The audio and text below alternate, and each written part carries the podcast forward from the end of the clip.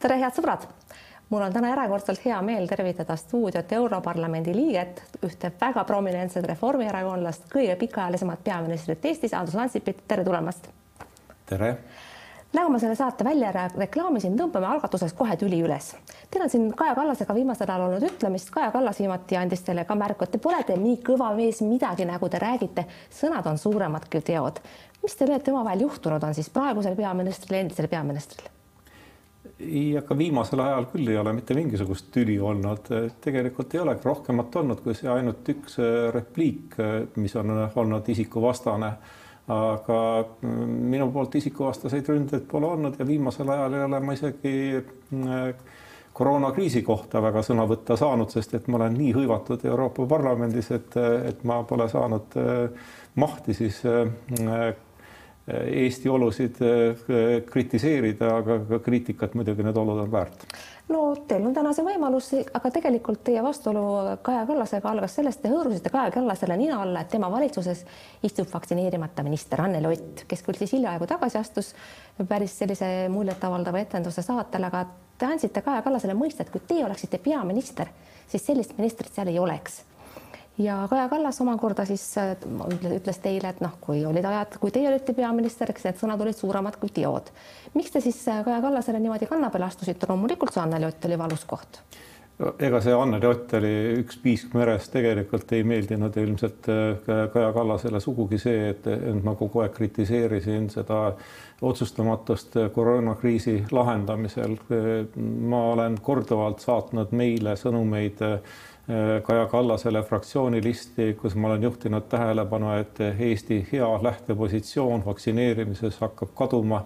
teatavasti Eesti oli äh, Euroopas äh, võrdsete hulgas esimene vaktsineerimiselt poolest aprillist kuni poole maini mis eespool olid ainult kaks riiki, kellel oli rohkem vaktsiine, need olid Malta ja, ja Ungari. ja, ja siis me hakkasime korraga ära vajuma ja külmkappe hakkasid vaktsiinid järjest kogunema ja sellest ma muidugi märku andsingi. vastuseks sain selle, et, et kui kõigepealt öeldi, et tegelikult mul on valed numbrid, et ma võtan need ajakirjandusest, aga ajakirjandus valetab. Te saatsite Kaja Kallasele sõnumeid, kuidas võiks asju teha, tema ütles teile, et teil on valed numbrid, ajakirjandus valetab. no jah, nii see oli paraku ja mina ütlesin selle peale, et ega mina võtan numbrid äh, Our World in Datast ja, ja EasyDC-st ja ja nemad võtavad need äh, numbrid Eestist ja, ja kui sa tahad olukorda parandada ja neid numbreid paremaks teha, siis pead olukorda Eestis parandama. ja no siis äh, no ilmselt see arusaamine tekkis ka temal ja, ja valitsusel tervikuna, et, et asjad ei ole nii head, nagu, nagu räägitakse ja. põhimõtteliselt ikkagi Kaja Kallas saatis teid kukele ma saan ju niimoodi aru, võtame selle kas see nüüd kokku. nii oli, aga vähemalt äh, mingisugust äh, reaktsiooni, äh, sellist adekvaatset, nagu ma oleks oodanud, et, et tõepoolest hakatakse inimesi vaktsineerima, et, et, et seda muidugi ei järgnenud, et öeldi kõigepealt, et numbrid on valed, järgmisena, et, et vahed on nii väikesed, kohe teeme tasa ja siis lõpuks, nagu me kõik teame, öeldi meile, et, et me oleme idaeurooplased ja meilt ei olegi midagi paremat oodata. no tegelikult novembri alguseks oli Kaja Kallase valitsus omadega täpselt seal, kus siis, kus ta amet ametisse astus, ehk siis koroonaga nakatumise absoluutses tipus maailmas. see iseenesest näitab, et midagi tehakse Eestis süsteemselt valesti. mis see täpselt siis on? jah, seda poleks pidanud juhtuma, et kui see esimene maailmameistriks olek Äh, oli veel kuidagimoodi eelmise valitsuse tegemata jätmistega või, või halvasti tegemistega seletatav, siis äh, see praegune kriis on puhtalt selle valitsuse juhtimisel tekitatud ja, ja see ei ole lihtsalt äh, pelk konstateering, et, et meil on üks kriis, vaid et selle kriisi ajal on inimesed maksnud oma eludega, inimesi on sandistatud ja, ja, ja see kõik on ikkagi valitsuse tegevusetuse tagajärg. mis oleks pidanud teistmoodi tegema no ega see tagantjärgi tarkus väga palju ei anna, aga, aga muidugi tuleks analüüsida seda, mis on tehtud ja, ja mis on hästi tehtud, mis on valesti tehtud. aga, aga mida siis oleks ikkagi pidanud tegema? no põhimõtteliselt see, see murrang ikka tekkis sealt, kus hakati äh, reserve koguma, kus hakati vaktsiine külmkappe, kappi koguma. mäletame, et, et sel kuulsusrikkal nädalal, kus äh, kuuskümmend kaheksa tuhat AstraZeneca doosi soojaks läks, oli meil külmkappides äh, kakssada kolm tuhat mitte AstraZeneca doosi ehk siis mm, inimesed oleks tahtnud ennast vaktsineerida, kuid nendele öeldi kõrga, kõrgilt, et sõitke Antslast bussiga Tartusse ja vaktsineerige ennast seal sel ajal, kui mujal maailmas oli juba ammu aru saadud, et need vaktsineerimiskeskused, mis mingisuguse lühikese ajaperioodi töötasid väga efektiivselt, enam ei tööta, sest kõhklevad inimesed ei võta sellist äh, rünnakut ette.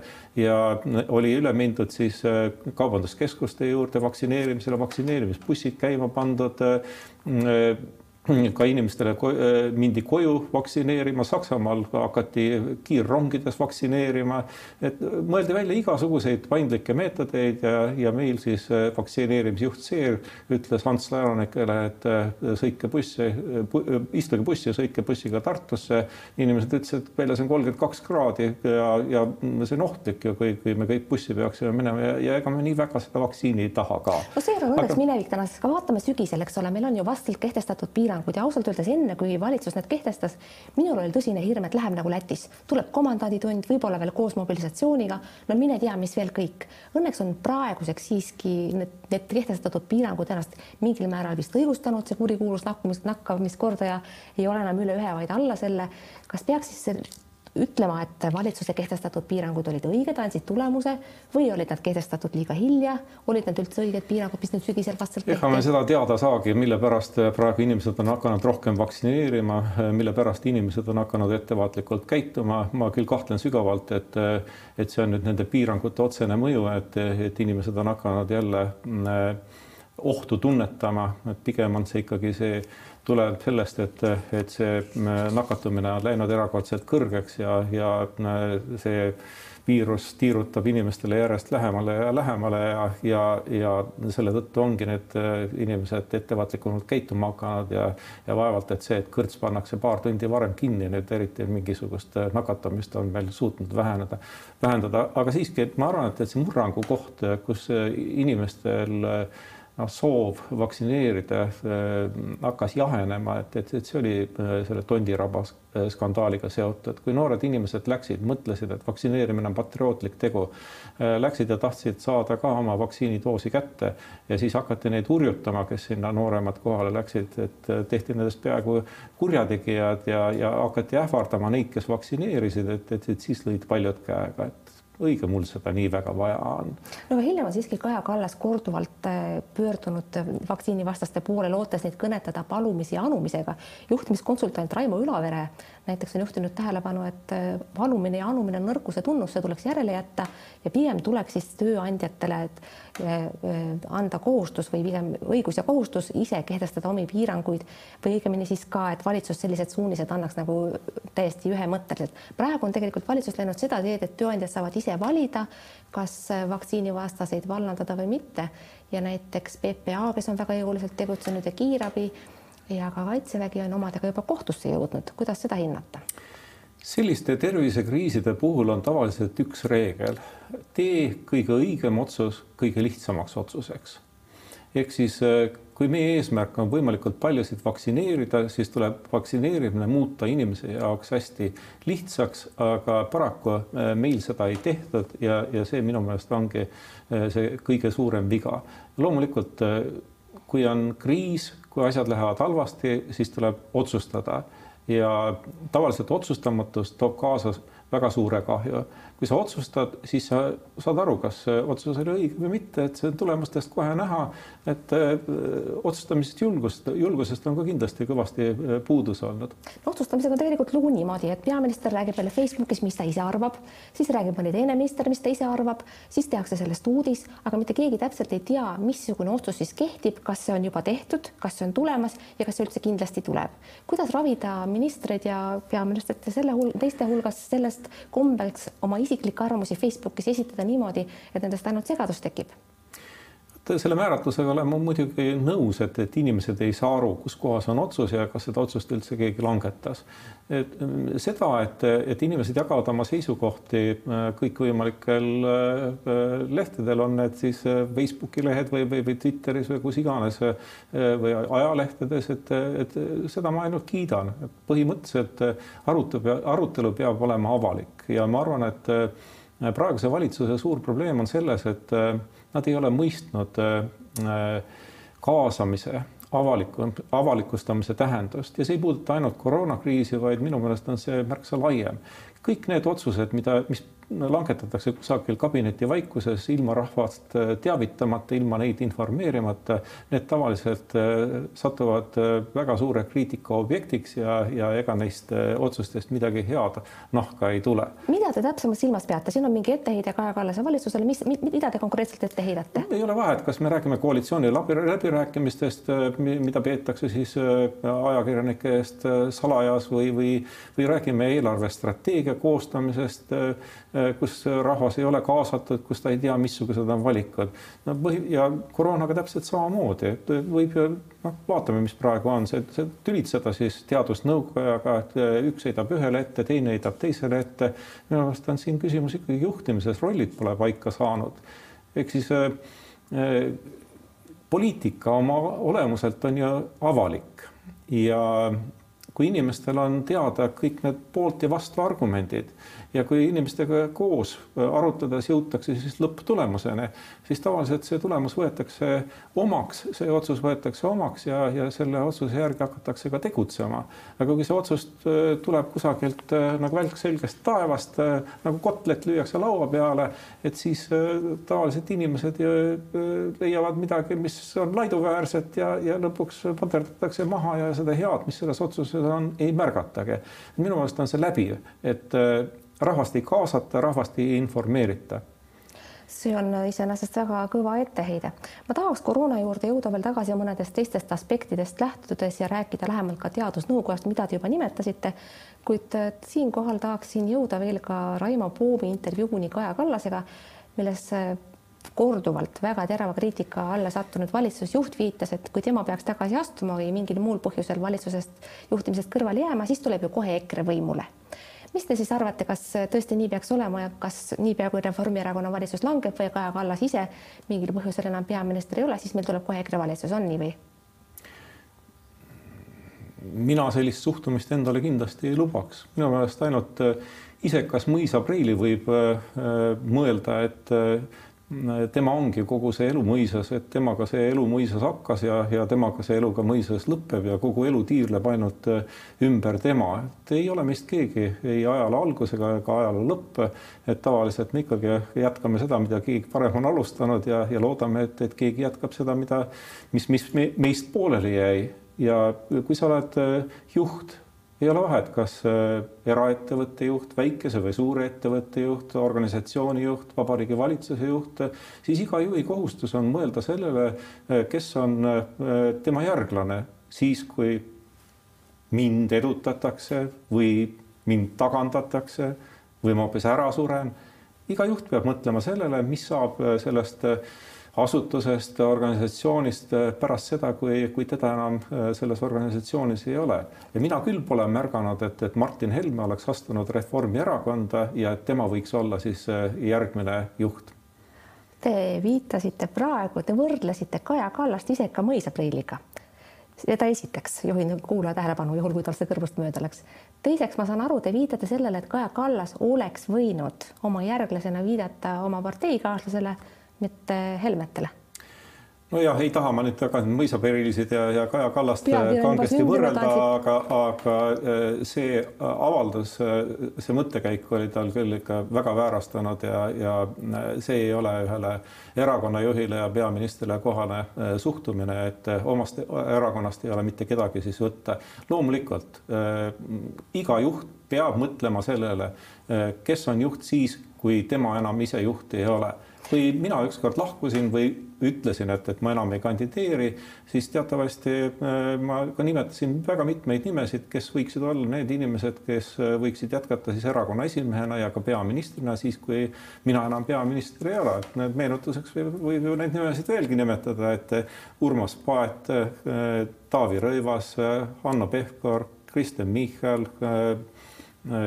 Arto Aas oli nende hulgas, äh, Keit Pentus-Rosimannus oli nende hulgas ja nende inimestega kõigiga ma ka rääkisin omal ajal, mis on nende tugevad küljed, kus ma näen, et, et nad peaksid rohkem tööd tegema äh, selleks, et olla ükskord peaministri ametis, et minu meelest on see täiesti loomulik, oled sa väikese ettevõtte juht ikkagi, ükskord sa pead lahkuma keegi peab sind asendama ja, ja minu meelest me kõik ju samastume oma, oma tööobjektiga, et me tahame, et, et see, mida meie tegime kunagi, et, et see satuks ka headesse kätesse siis, kui meid enam selles ettevõttes ei ole ja, ja, ja sellepärast minu meelest iga juhi kohustus on, on mõelda oma järeltulijale viidatud nimed on ilmselt aktuaalsed ka praegu ja me ju teame, et ükski erakonna juht pole igavene, väga tõenäoliselt varem või hiljem Kaja Kallas sellel kohal ka vahetatakse välja, millal iganes see siis ka sünnib ja missugusel põhjusel. kes teie hinnangul sobiks tema tööd jätkama pärast seda ülivalusat kriitikat, mida Kaja Kallas pidi kuulma siin saates, mitte siis silmast silma öelduna? Ma ei tahaks neid nimesid nimetama hakata, et see mõjub kangesti niisuguse Te juba nimetasite, võimu, võimu pööramisena, aga, aga ja ma olen ka lõpuks erakonnast ikka üksjagu eemal olnud äh, juba seitse aastat, nii et äh, kas ma olen üldse pädev inimene neid nimesid nimetama?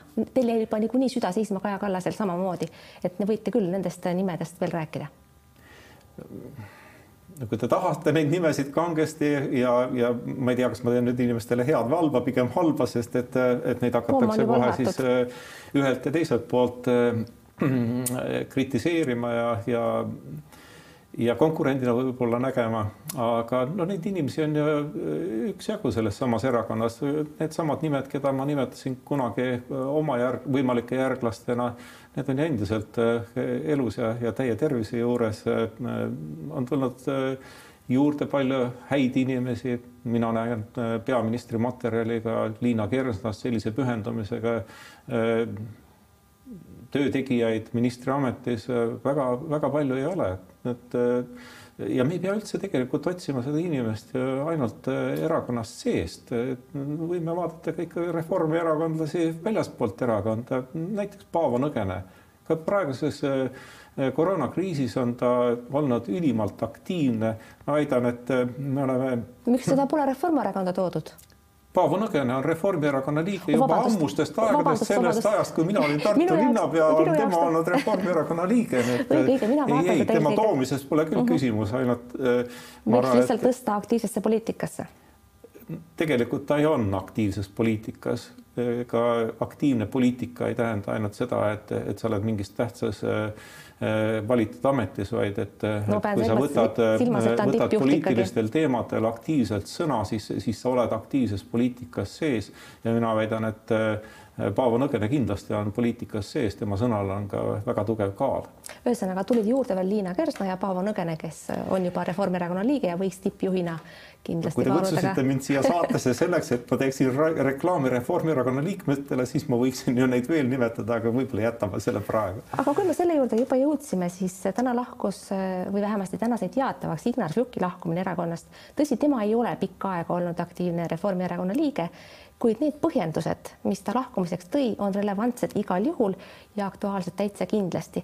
ta viitas ka sellele, et tema lahkumise põhjuseks sai valitsuse tegutsemine koroonakriisis ja see, et me oleme jällegi nakatumisnäitajate poolest maailmas tipus, kuid ta viitas ka sellele, et Reformierakond on oma juurtest läinud liiga kaugele, siis kui ta sai massiparteiks. Ja neid etteheiteid on seal teisi, ma loodan, et te jõudsite neid lugeda.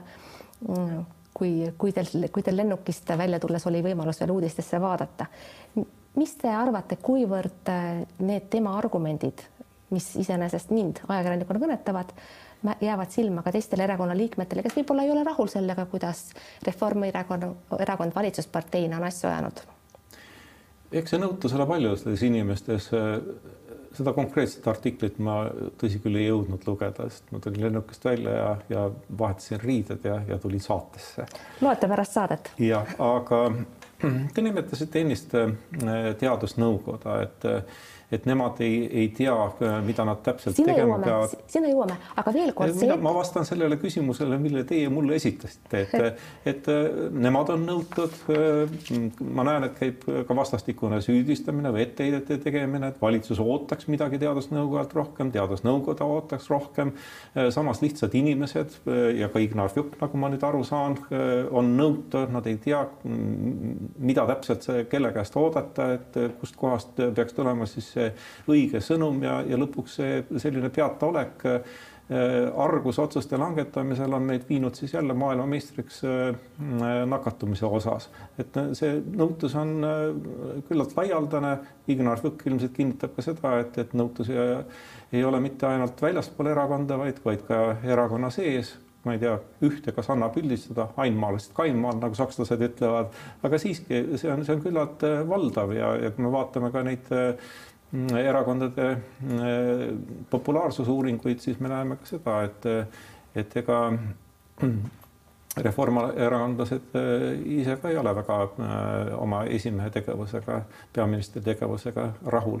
Nad on küll kõige enam rahul, aga rahulolematus on ka seal küsitluste järgi küllalt suur et see hakkab ikkagi sellest juhtimisahelast pihta ja nüüd tuleme jälle sinna teadusnõukoja juurde tagasi. teadusnõukoguda, nõukoda on loodud valitsuse juurde ja põhimõtteliselt noh, on, on vale noh, siis küsida kogu aeg äh, Kiige käest, et mis see teadusnõukogu seal otsustas või otsustamata jättis või et, et mis me selle või teise asjaga teeme.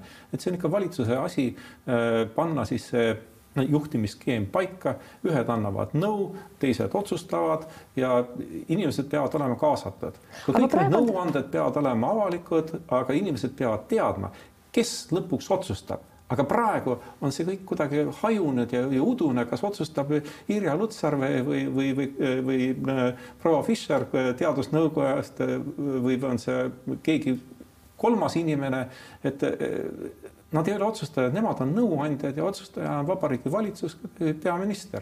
tegelikult seda on teadusnõukoja liikmed ise ka pidevalt rõhutanud, et äh, nemad ei langeta otsuseid, vaid annavad soovitusi, kuid mul on tunne, et nendes on tekkinud selline pikema aja jooksul pidev rahulolematus, mis on nüüd kumuleerunud sellesse, et osa teadusnõukoja liikmeid, näiteks professor Merits, on otsustanud üldse ameti maha panna ja, ja noh, sealt tulevad, tuleb ilmselt teisigi personalimuudatusi ja ka hõõrumisi on tekkinud ka selle pinnalt, et, et nõukoja liikmed teavad küll, et nende ülesanne on anda nõu, kuid neid, nad tunnevad, et neid ei, nende nõu ei võeta piisavalt kuulda. kas seal ikkagi ei ole pisut ka selline natukene egode mäng, sest tegelikult nad ju teavad, et valitsus langetab otsuseid, mitte nemad.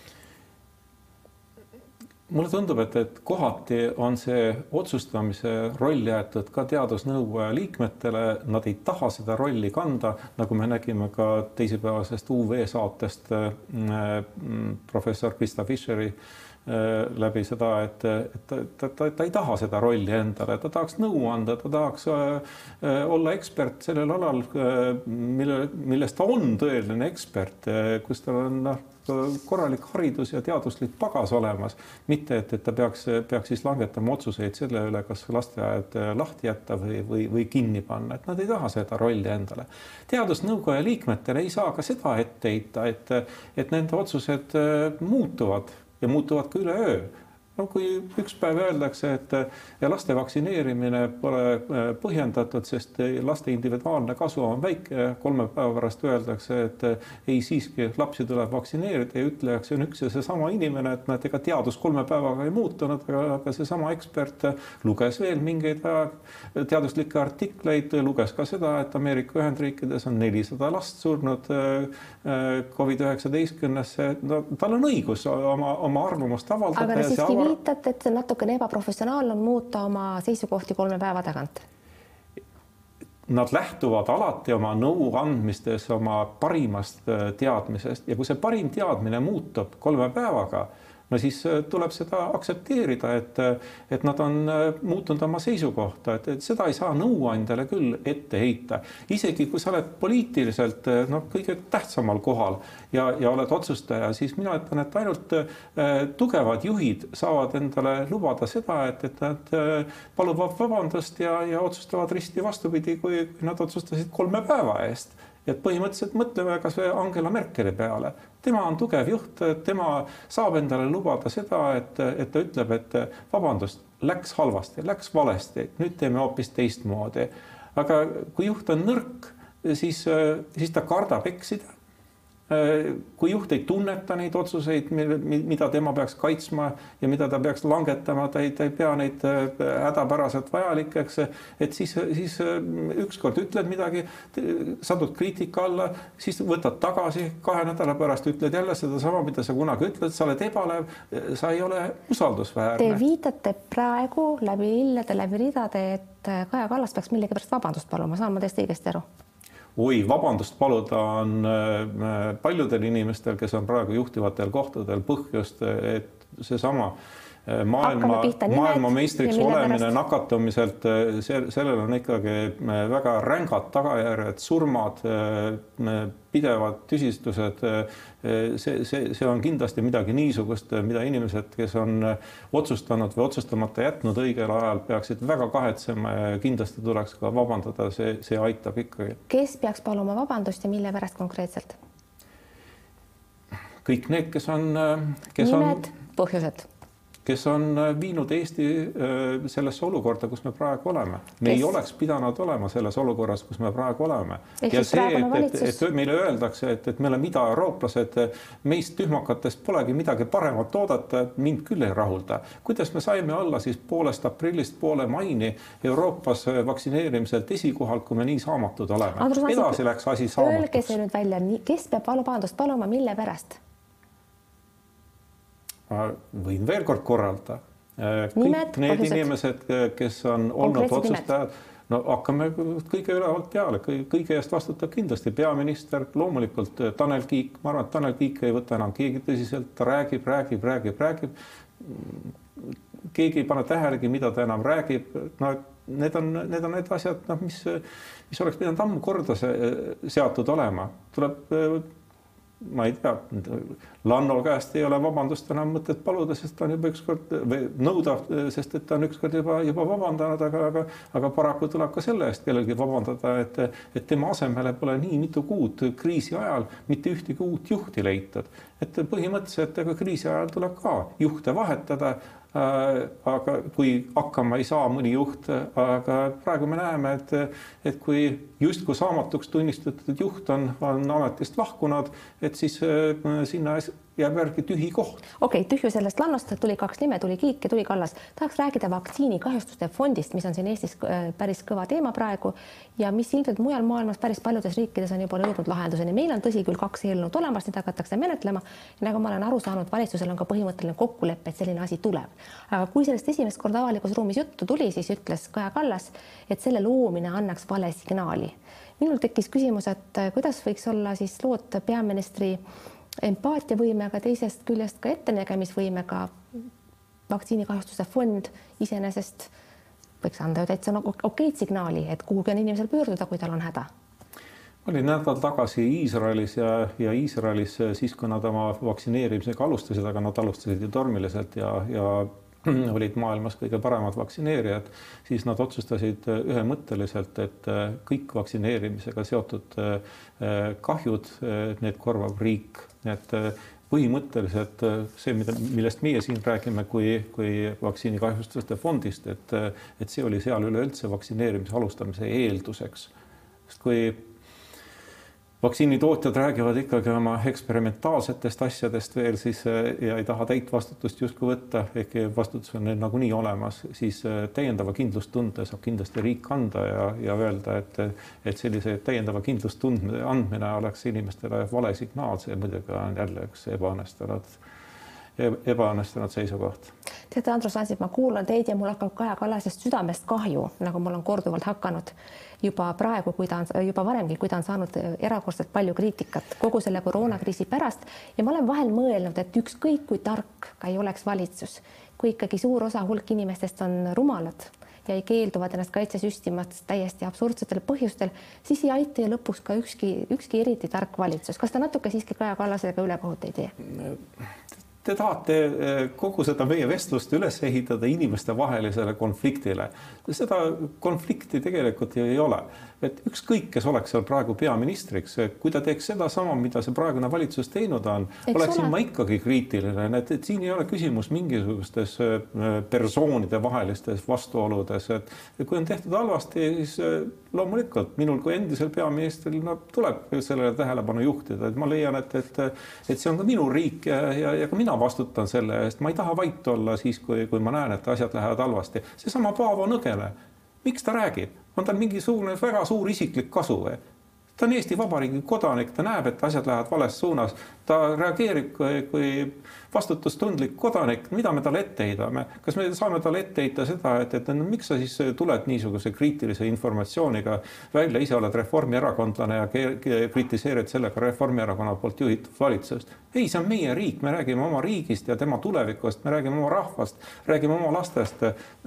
see ei ole mingisugune erakondlik Äh, pingpong ja, ja, ja inimestevaheliste konfliktide äh, tekitamine, vaid, vaid, vaid see on midagi rohkemat. no Kaja Kallase elu on ilmselt raskemaks teinud ka koalitsiooni koosseis, tegelikult ei ole ju Keskerakonna ja Reformierakonna koalitsioon olnud sugugi pilvitu ja, ja see on tema elu ilmselt teinud keerulisemaks veel, kui see oleks muidugi olnud, kas pole nõnda?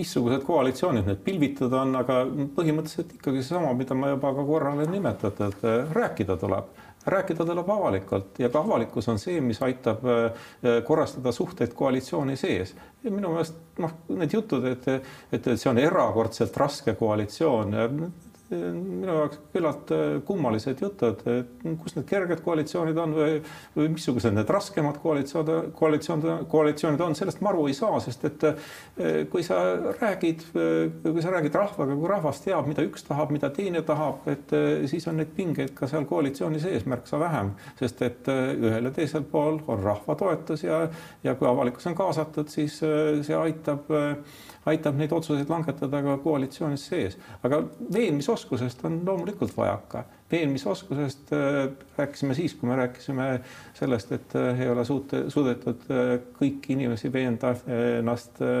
vaktsineerima, aga, aga see täpselt sama, see kehtib ka koalitsioonisiseselt, ehk siis ka seal tuleb veenda, aga selleks, et veenda, selleks tuleb kõigepealt rääkida tuleb rääkida oma kaaslastega ja, ja kui omavahel on asjad selgeks räägitud, no küllap nad siis sujuvad. ega minul mingit imerohtu pakkuda ei ole, peale selle, et, et, et rääkida tuleb hästi, Andrus Ansip, ma oleks tegelikult teiega tahtnud käsitleda veel paljusid teemasid, aga meie saateaeg on piiratud nagu alati ja seetõttu jääme selle ühe teema keskesse selle, seekord. kuid kuna me puudutasime juba poliitikat, siis veel lõpetuseks, enne kui ma jõuan vaatajate küsimuste juurde, mis ka teid kohe tabavad, tahaks küsida, ennustamine on teatavasti tava, tava, tavapäraselt selline tänamatu töö kuid ikkagi, kes võidab järgmised Riigikogu valimised, äsja saime kohalikega maha, aga Riigikogu valimiste peale mõtleme juba alati ette ja kohalikud on alati Riigikogu valimiste eelmäng no sinna on väga pikk äh, tee veel käia ja, ja reformierakondlasena ütlen ma veendunult, et äh, Reformierakond võidab. aga kes moodustab valitsuse? Reformierakond moodustab valitsuse. sellest me räägime järgmises saates või, või siis, kui kohtume varem, siis ülejärgmises. vaatajate küsimused, mis te arvate, mis neil kõige rohkem südamel oli, kui nad teie nime nägid? vabandust? mis võis vaatajatel kõige rohkem südamel olla, kui nad teie nimi nägid, mida kõige sagedamini küsiti? Facebookis on meil nimelt vasta, vaatajate võimalus esitada küsimusi saatekülalisele. ei, sellest ma ei teadnud. vot ei tea. ma teen teie elu kergemaks. loomulikult viie rikkama riigi hulka jõudmine, mida lubasite meile palju aastaid tagasi, aga pole siiani juhtunud. millal jõuame? vaata see, see on nüüd jälle niisugune konksuga küsimus, et äh, viime Eesti viie rikkama riigi hulka no kas keegi tõepoolest võtab seda, seda siis Ansipi lubadusena, et, et, et tema on, võtab, võtab riigi sülle ja, ja, ja kõnnib ja viibki sinna viie hulka, et, et, et eks see on ikkagi üleskutse, et, et me kõik sinna suunas liiguksime ja tõtt-öelda me oleme ikka väga-väga kiiresti sinna, sinna selles suunas liikunud ka. jätan need noh, mõned eelmised valitsused Äh, sellest äh, kiirest edasiliiku-, kiirete edasiliikujate hulgast välja, aga, aga põhimõtteliselt Eesti sisemajanduse kogutoodang on, on see sajandil kaheksateist korda kasvanud, sel ajal kui Euroopa Liidu oma äh, vaid kaks koma kolm või neli korda, et tegelikult oleme väga pöörast edu teinud. Ja alles eile oli uudis, et, et me oleme oma korruptsiooni tasemelt jõudnud Euroopas viie kõige väiksema korruptsioonitasemega riigi hulk on, et, et neid valdkondi, kus me oleme seal esimese viie hulgas, neid juba on. korruptsioonist jällegi räägib järgmises saates. viimane küsimus, eh, mis samuti vaatajatel on eh, südame peal. millal Andrus Ansip tuleb tagasi sisepoliitikasse? kõigil on meeles, et teil on seal Euroopas igav ja ükskord saab see aeg seal ju läbi ka. kas siis? Eks ma olen sisepoliitikas kogu aeg ja ka praegu olen sisepoliitikas, aga selle küsimusega tegelikult oleks võinud ka alustada, sest et, et siis oleks ka kuulajatel-vaatajatel selgem olnud, et, et see Ansipi kriitilisus ei tule mitte sellest, et, tal on endal mingisugune ambitsioon, vaid et, et tal tõe, tõepoolest süda valutab Eesti pärast mina Eesti sisepoliitikasse peaministrina mitte kindlasti, mitte kunagi eh, tagasi enam ei tule. ma olen tänulik nende üheksa aasta eest, eh, mis mulle oli antud olla koos eh, Eesti rahvaga Eesti Vabariigi peaminister ja aga ma arvan, et, et iga inimene selle ajaga ammendub piisavalt ja ja ma arvan, et on nooremaid, on andekamaid, paremaid. ma usaldan oma riigi kindlasti nende kätte, teadmata ka nende nimesid. Andrus Ansip, ma olen teile tänulik selle meeleoluka võistluse eest, head sõbrad, aitäh, et vaatasite. vaadake teinekord ikka jälle, elage vahepeal hästi, olge terved, kuulmiseni, nägemiseni